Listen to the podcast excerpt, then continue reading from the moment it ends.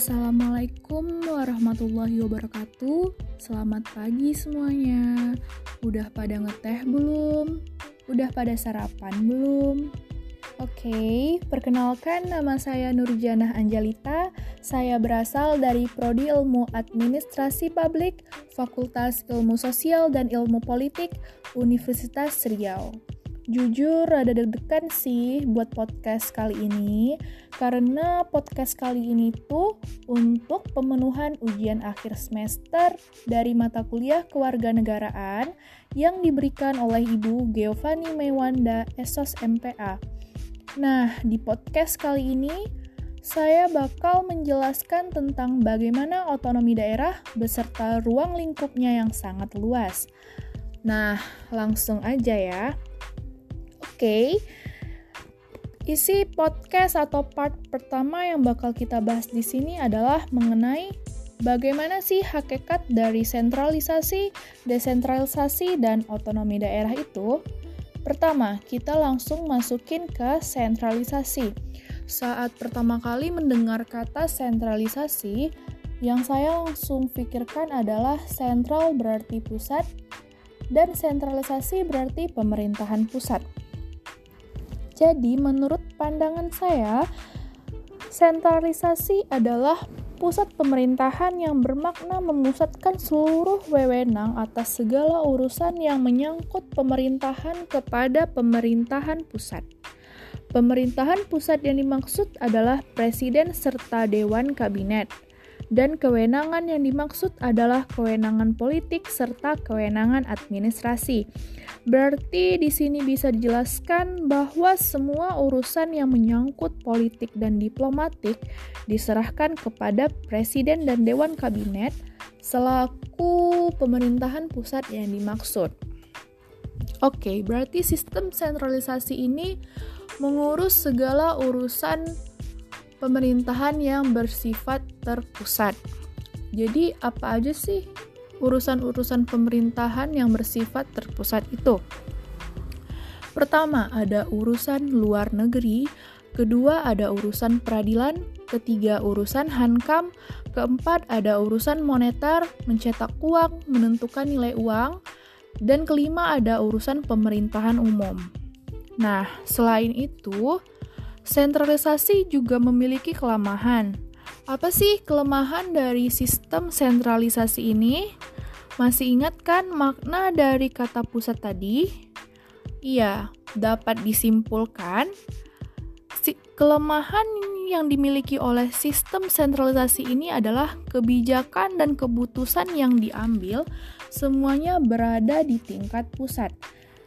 Dengan kata lain, itu bisa membutuhkan waktu yang cukup lama untuk melakukan semua kebijakan, dikarenakan semua beban kerja ditanggung oleh pemerintahan pusat.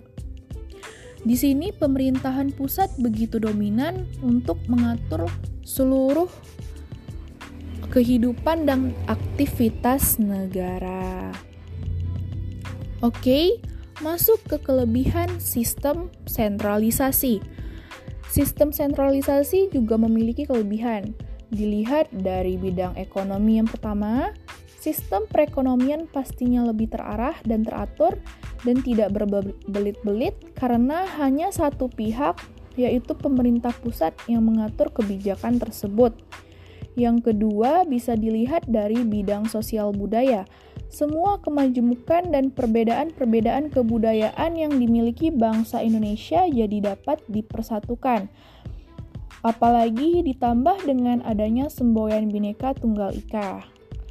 Dan ketiga, dilihat dari segi keamanan dan politik, dampak positif yang dirasakan dalam penerapan sistem sentralisasi ini adalah keamanan yang diterapkan di Indonesia lebih terjamin karena sejak sistem ini diterapkan, jarang terjadi konflik antar daerah yang dapat mengganggu stabilitas keamanan nasional Indonesia. Nah, jadi sistem sentralisasi ini sangat membantu dalam urusan-urusan negara yang bersifat terpusat. Kenapa aman? Karena sistem sentralisasi menyangkut lembaga negara yaitu Tentara Negara Indonesia yang melaksanakan perlindungan terhadap negara Indonesia melalui tiga titik, yaitu udara, darat, dan juga laut. Kedua, adanya Bank Indonesia yang menjadi pusat pengaturan segala kebijakan moneter dan kebijakan fiskal. Nah, tadi dari pemerintahan pusat, sekarang kita masuk pemerintahan daerah. Tapi sebelum kita masuk pemerintah daerah, kita juga harus paham apa itu sentralisasi dan pemerintahan pusat dan bagaimana sistem sentral sentralisasi yang sudah saya jelaskan tadi ya. Oke, okay, memang tidak bisa kita pungkiri bahwa semuanya pasti berjenjang dan dimulai dari pemerintahan pusat hingga ke pemerintahan daerah. Di sini kita akan membahas desentralisasi. Desentralisasi berasal dari bahasa Latin yaitu de yang artinya lepas dan sentrum berarti pusat. Dapat disimpulkan di sini berarti pemerintahan pusat melepaskan sebagian wewenangnya ke, ke pemerintahan daerah. Oke, okay. Desentralisasi memiliki pengertian yaitu penyerahan wewenang pemerintahan oleh pemerintah pusat kepada daerah otonom untuk mengatur dan mengurus urusan pemerintahan dalam sistem negara kesatuan Republik Indonesia. Bermula dari dibuatnya konstitusi pertama, Undang-Undang Dasar 1945 telah diupdated model negara kesatuan yang disusun berdasarkan desentralisasi. Dengan demikian, dalam hal penyerahan kewenangan pemerintahan oleh pemerintah pusat kepada daerah otonom secara delegasi untuk mengatur dan mengurus urusan pemerintahan memberikan konsekuensi bahwasanya pemerintah pusat kehilangan kewenangan yang dimaksud. Semuanya beralih kepada daerah otonom, artinya menjadi tanggung jawab dari daerah tersebut, kecuali untuk urusan pemerintahan yang oleh undang-undang dinyatakan sebagai urusan pemerintah pusat. Nah, berarti desentralisasi ini hanya mengurus urusan yang bukan menjadi tanggung jawab pemerintahan pusat. Oke, masuk ke bagian ketiga. Kita di sini ada otonomi daerah. Otonom yang artinya berdiri sendiri, daerah yang berarti ya wilayah atau lingkungan pemerintah. Jadi, otonomi daerah adalah hal, wewenang, dan kewajiban daerah otonom untuk mengatur dan mengelola urusan dan kepentingan masyarakatnya sendiri sesuai dengan peraturan perundang-undangan yang telah dibuat. Oke, udah dapet sedikit maknanya nih dari tiga bagian di atas. Yang namanya mengatur, mengurus, daerahnya sendiri ya pasti memiliki visi yang dirumuskan dalam du tiga ruang lingkup, yaitu satu politik, semua hal di bidang politik memakai cara demokrasi sebagai bentuk proses lahirnya kepala pemerintahan daerah yang semuanya dipilih melalui demokrasi. Namanya Indonesia, semua hal memakai cara demokrasi agar rakyatnya dapat memilih pastinya. Yang kedua ada bidang ekonomi.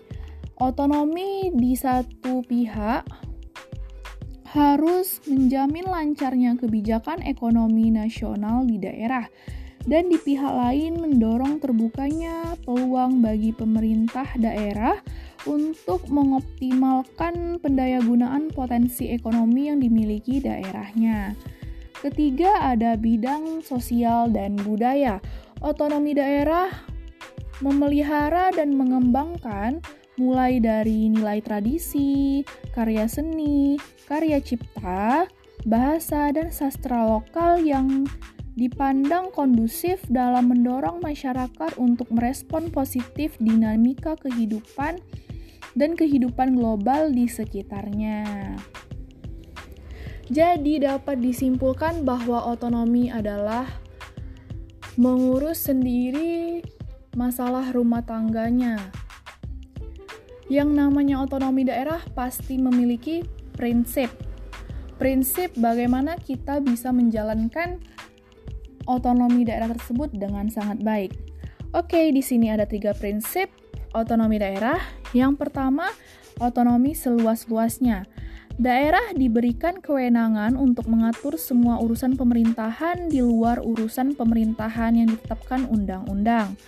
Yang kedua, ada otonomi nyata menangani urusan pemerintahan berdasarkan tugas, wewenang, dan kewajiban yang tidak ada, serta berpotensi untuk hidup dan berkembang sesuai potensi serta kehadiran atau kekasan yang ada di daerahnya.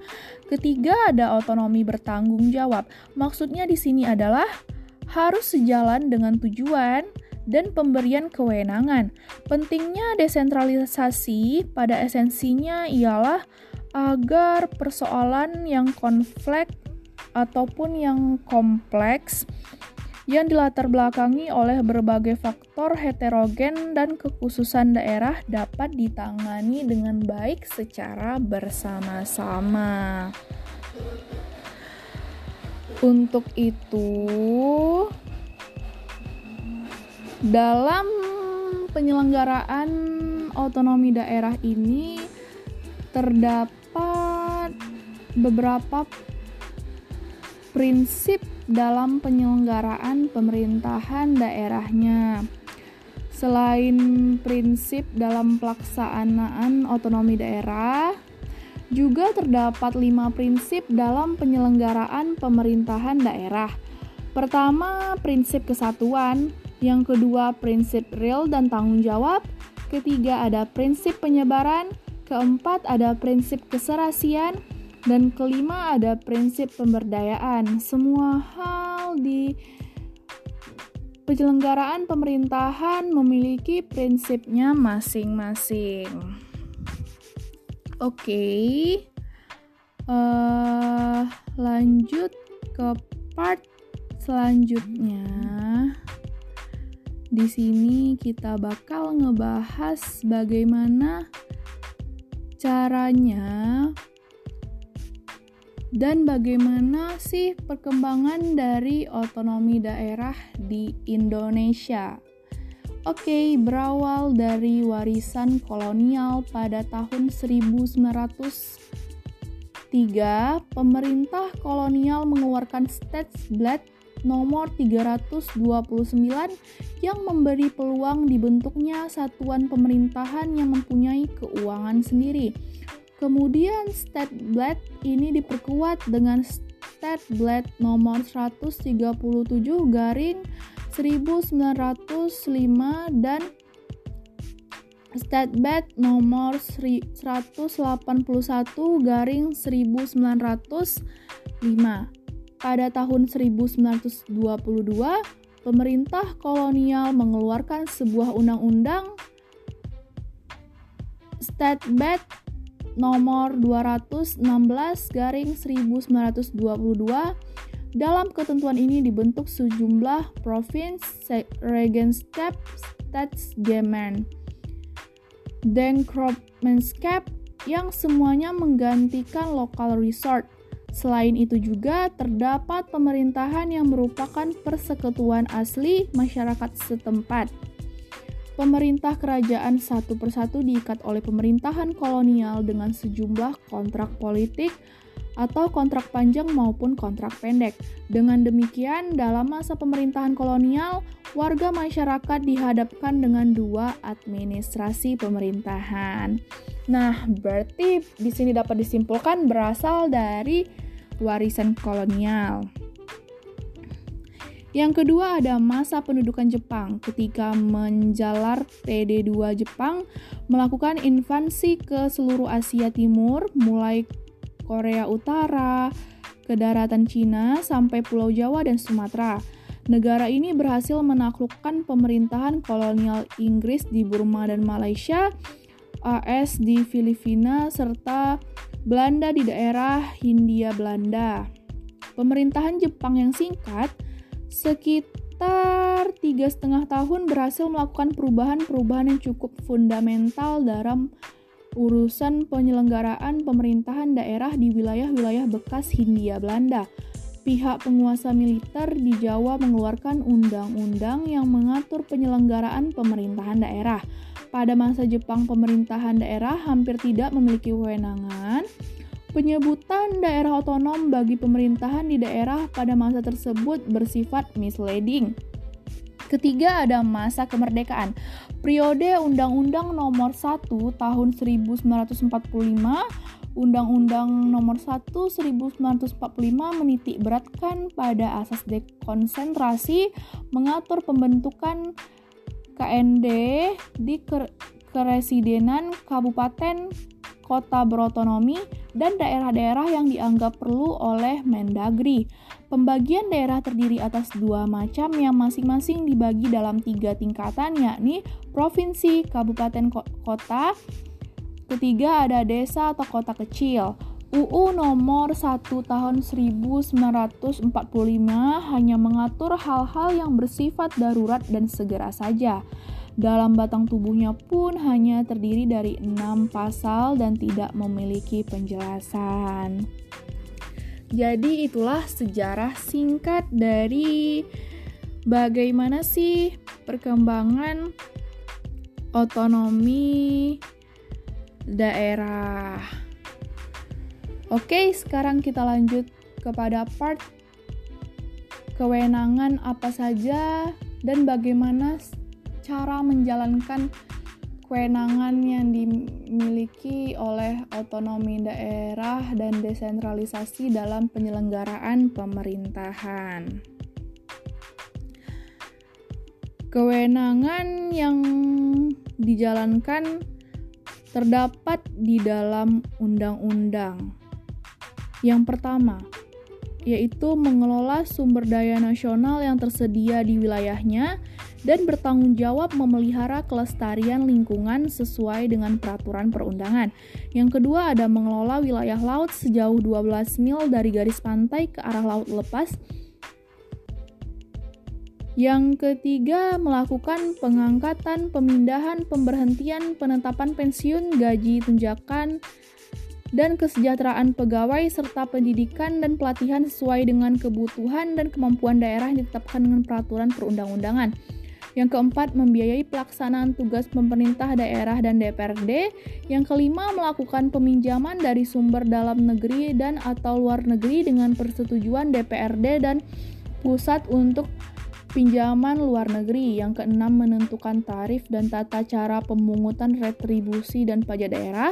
Yang ketujuh, membentuk dan memiliki badan usaha milik daerah. Yang kedelapan, menetapkan APBD.